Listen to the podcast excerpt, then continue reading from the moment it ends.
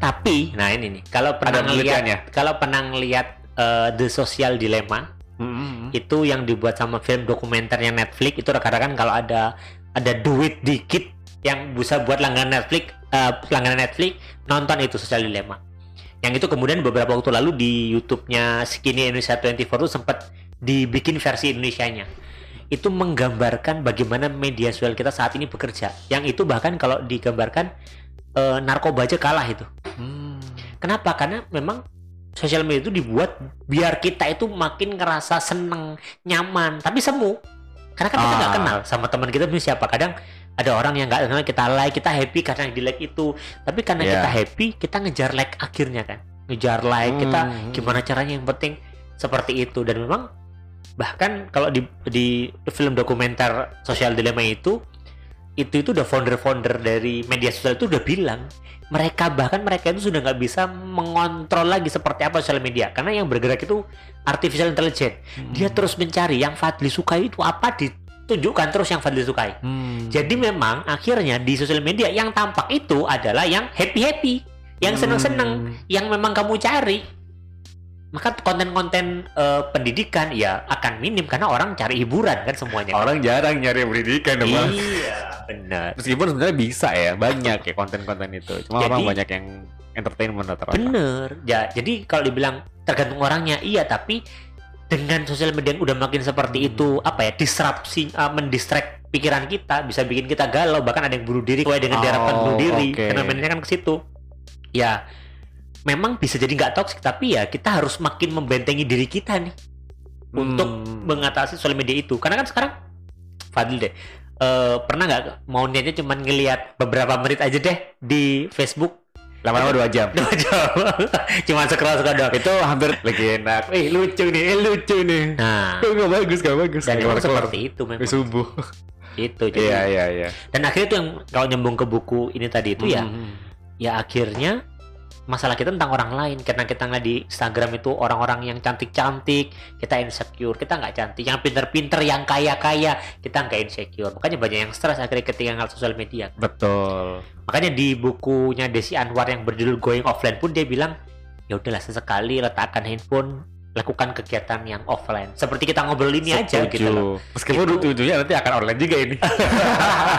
Tapi ini kan konten edukasi ya. ya Konten edukasi yang yang yang men- yang yang bermanfaat gitu kan. benar nah kalau sekarang Fadlin aku ingin menggali Fadlin nih Apaan? apa hal yang berkesan di buku ini yang Fadli rasakan tadi kan aku nih udah share Hmm. dua bab yang menurut aku itu berkesan kalau Fadli setelah baca buku itu yang tadi Fadli di belakang layar rekan-rekan ya bilang bahwa ini buku sebenarnya berat gitu ya berat Lalu apa yang direnungkan Jedli setelah baca buku ini Sebenarnya direnungkan yang pertama yang tadi yang kita bahas di awal. hmm. Jadi memang tonjokan kerasnya itu di bagian awal buku sih kalau aku. Yang terkait masalah perubahan. Ya, Hmm. jadi yang tadi yang kita diskusi masalah eh, ya sometimes kita terlalu nyaman dalam zona kita, kita yang akhirnya takut keluar karena karena eh, kita terlalu fokus dengan apa yang ada sekarang instead of tujuan gitu kan. Itu dari situ sih aku sebenarnya sempat berpikir apakah kondisiku sekarang gitu ya yang yang dinikmati ini apakah ini karena karena akunya yang yang mungkin masih takut buat keluar ah. atau memang apa gitu akhirnya membuat aku merenung seperti itu Hmm. ya. karena kan memang ya namanya kita di Jakarta gitu ya berkarir pengen bertumbuh gitu Iya, kan pasti iya. kan ekspektasinya adalah kita pengen nggak pengen stay di sini gitu kan pengennya Benar. akan terus grow grow grow mau ke mana kita grow dan lain sebagainya nah ini akhirnya Benar. membuat uh, dari dari dari bacaan yang di awal itu akhirnya sempet ter terlan terpantik gue aksi emosi dan semangat kembali untuk ya do something do something Ah. yang one step forward dari apa yang udah diraih sekarang sebenarnya kayak gitu makanya buku ini jujur ya tadi ya meskipun uh, kontennya mungkin mungkin jujur aja memang agak agak beberapa susah dicerna secara langsung. Terutama kalau bacanya versi bahasa Inggris. Benar. aku bacanya aku bacanya versi bahasa Inggris dengan yang masih yang Ivan punya versi bahasa Indonesia. Jadi mungkin agak beda ya. Kalau teman-teman mungkin mau cari ini di Gramedia ada ya seharusnya ya? Ada ada ada. Di toko buku ada ya? Masih Ah. baru kok. Masih ba- disarankan cari yang bahasa Indonesia aja. Karena kalau bahasa Inggris nyiksa. Dua kali effortnya. Gitu Hmm. jadi itu itu something yang yang uh, akhirnya ya ini mungkin barangkali juga orang uh, bisa jadi uh, jadi bahan pemikiran buat beberapa orang kan maksudnya pasti banyak orang di luar sana yang mereka merasa hidupnya gini-gini aja Hmm. hidupnya gini-gini aja itu karena memang dianya yang tadi terlalu fokus ke apa yang sekarang ada atau apakah dia jangan lupa dengan outside the comfort zone-nya mereka makanya tadi kan aku meng, meng- meng- menganalogikan itu dalam istilah comfort zone kan karena itu yang menurutku lebih Hmm. familiar dan banyak di mudah dimengerti gitu Hmm. itu menarik sih itu lumayan nampol to be honest itu sangat nampol sekali karena ya itu yang lagi dirasakan gitu kan karena ya Iya. akhirnya ketika sekali lagi ketika baca buku ini merenungkan itu banyak yang nampol tapi pasti ada satu yang paling nampol itu tadi Iya. iya.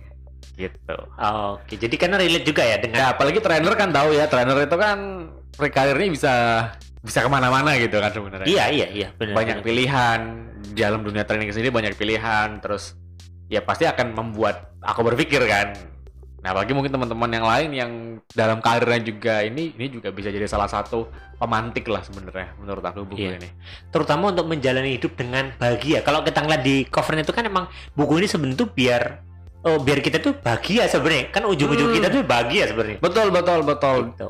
Dan untuk kalau dalam konteks aku dengan yang hal yang pemantik tadi untuk bahagia kan berarti aku harus do something gitu kan? Iya, iya, iya, benar, benar. gitu. Meskipun di buku ini banyak hal ya tadi kayak contoh yang diserah, di, di- diceritain sama Ivan tadi terkait gimana kita bisa memanage mas ma- bawa masalah itu dari lingkungan itu juga satu hal yang sebenarnya menarik juga tuh. Tapi ah, buat aku juga satu yang nampol ya. Hmm. itu juga salah satu yang dirasakan mungkin buat kita kita semua yang hidup di dunia sosial media yang penuh dengan tekanan sosial media ini Nah, itu. Yang nggak Itu banyak jadi orang menarik. juga bisa ya menghadapi Betul. tekanan sosial media itu. Makanya ada beberapa teman-teman saya juga yang Itulah saya mau stop bermedia sosial. Dan sebenarnya itu langkah bagus sebenarnya juga untuk kita menjaga kesehatan mental kita ya. Karena eh, pernah dengar nggak di eh, statement bahwa manusia itu sebenarnya butuh pengakuan. yes Kita itu punya kebutuhan dasar kita itu untuk diakui. Kalau nggak salah Maslow ya. Maslow Maslow. Yang ke berapa gitu aku lupa Iya. Kita itu punya kebutuhan dasar untuk diakui. betul Nah, karena saya juga berapa kali juga bawain materi ini tentang Maslow ini juga gitu ya. Jadi begitu baca buku ini tuh langsung nyambung dengan bab kedua tadi dong. Sebenarnya masalah kita tuh hanya masalah yang berhubungan dengan orang lain. dalam artian di situ kalau kita relate dengan Maslow Iya. pengakuan berarti ya Pengakuan, kita butuh pengakuan dan sama kan. Kita Make galau karena apa? Ya kita nggak dilihat sama orang lain. Kita kurang keren dibanding orang lain. Kita butuh pengakuan. Lagi-lagi masalahnya adalah orang lain lagi kan sebenarnya. Hmm. Maka sebenarnya kalau di buku ini adalah kalau mau bahagia ya nggak usah butuh diakui orang lain. Jalani aja. sebenarnya ini nggak sih biar bahagia fokus ke diri sendiri aja nggak sih sebenarnya Iya, iya, to iya, say iya. dari buku sebenarnya dari buku ini kan banyak teori tapi kunci message-nya kan itu ya nggak sih kalau menurut aku tangkap ya intinya itu kalau pengen pengen bahagia ya ya udah fokus sama diri sendiri aja maksudnya bukan dalam bukan dalam artian fokus dalam diri sendiri ini egois ya Hmm, tapi hmm. berfokus ke ke eh, kayak kesehatan mental sendiri ke goal sendiri tapi Iya. bukan berarti kita melepaskan fungsi kita sebagai makhluk sosial gitu kan benar benar Eh, mungkin lebih tepatnya kalau eh, boleh menambahkan Boleh, dikit boleh. sebenarnya adalah fokus sama diri itu artinya adalah ya kamu menikmati aja diri Ah, kamu menikmati gitu loh. menikmati itu bahasa yang tapi pas. bukan orang lain itu sebagai motivasi untuk kita bertumbuh Iya, Bukan kita iya. jadinya ngeliat orang lain jadi insecure gitu kan karena kita kurang tapi ngeliat wah oh orang lain seperti ini ya. Aku harus bisa nih. Artinya kita harus menjadikan orang itu sebagai motivasi kita. Kalau Hmm. misalkan kita ngeliat orang sukses gitu ya ya jangan cuman wah ini sukses aku mah nggak bisa apa-apa. Jadinya insecure lagi gitu kan. Jadi masalah lagi. Tapi kenapa ya orang ini bisa sukses? Cari tahu kenapa orang ini bisa sukses? Karena dari pengalaman saya juga orang-orang sukses itu memang ada jalannya masing-masing. Betul. Tapi mereka punya effort, mereka punya proses usaha ini yang perlu kita pelajari sebenarnya. Hmm. Cara orang bisa sukses ini adalah perlu kita pelajari sebenarnya. Jadi jadikan apa ya ketika ngeliat orang lebih keren itu sebagai apa yang perlu saya pelajari buat diri saya sehingga saya bisa improve. Ya, Jadi positif buat kita gitu. jangan lihat enak-enaknya yang di sosial media Nah, aja ya. itu. Karena sosial media itu orang pasti akan ambil bagus-bagus aja. Nggak mungkin dong lagi sedih. Ya ada juga tapi ya lagi sedih lagi nangis juga. galau, lagi galau, ada. Tapi most likely kan pasti lagi bahagia, lagi apa gitu kan. Yes. Iya, ah, ah, ah, benar-benar. Jadi memang ya ya sama seperti senjata kan sosial media sebenarnya tergantung kita make. Nah yang mungkin diharapkan dari buku ini adalah ketika kita ngelihat menggunakan sosial media itu ya jangan dijadikan sesuatu yang itu membuat diri kita jadi nggak nyaman, Hmm. tapi dijadikan tuh buat motivasi. Nggak gampang sih, teorinya emang nggak gampang sebenarnya. betul betul Saya pun gitu kalau boleh cerita secara pribadi juga kadang terbanyut gitu ya. Kalau nggak lu ya ini orang kok bisa keren gitu ya akhirnya ngelihat orang dan aduh kayaknya nggak bisa jadi kayak gitu kadang itu muncul gini loh kalau kita berbicara pikiran tuh kan lebih gampang berpikir negatif daripada berpikir positif. Iya iya iya. Setuju setuju. Maka sebenarnya memang eh, kalau kita mau memastikan kita itu positif ketika ngelihat orang di media sosial yaitu ya dilawan dengan pikiran aja sebenarnya. Karena itu kan di pikiran kita. Jangan berpikiran negatif. Ketika eh kok aku jadi pikir negatif gini ya?